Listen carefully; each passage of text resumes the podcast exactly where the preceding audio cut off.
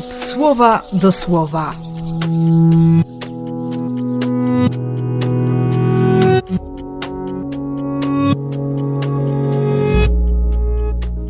Szósty grudnia, wtorek.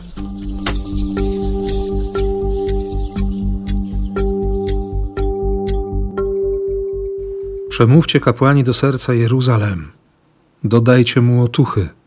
Wtedy ukaże się chwała Pana. On jest jak pasterz, który pasie swe stado. Swoim ramieniem przygarnia baranki, a noszącym w swym łonie młode dodaje sił. Kapłani mają mówić do serca. Różnie wygląda z tym naszym mówieniem i głoszeniem miłości i miłosierdzia. No szczególnie dziś, kiedy, kiedy wszyscy patrzą na świętego Mikołaja. Właśnie na tego, który jest patronem miłosierdzia, a nie, jak to dziś bywa bardziej powszechne, patronem sprawiedliwości.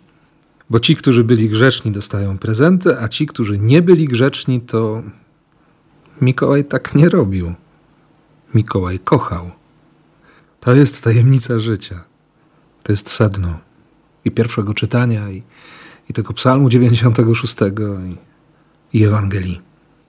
Pan się zbliża, bo kocha. Przygarnia baranki ramieniem. Dodaje sił tym owcom, które mają rodzić. Jemu nie braknie czułości ani tkliwości.